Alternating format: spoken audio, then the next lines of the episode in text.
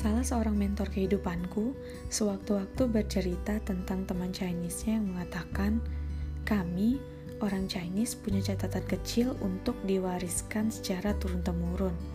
Kami selalu mengevaluasi dalam arti meneliti kesalahan dari suatu pola dan mencari titik tengah untuk memperbaikinya.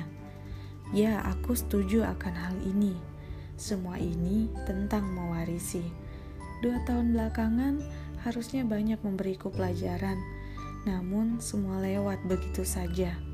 Ternyata yang hilang adalah sebuah markah akan pelajaran-pelajaran tersebut. Di podcast katalog penyu ini, aku coba untuk membagikan catatan kecilku dengan harapan kita semua bisa sama-sama saling mewaraskan sebelum saling mewariskan.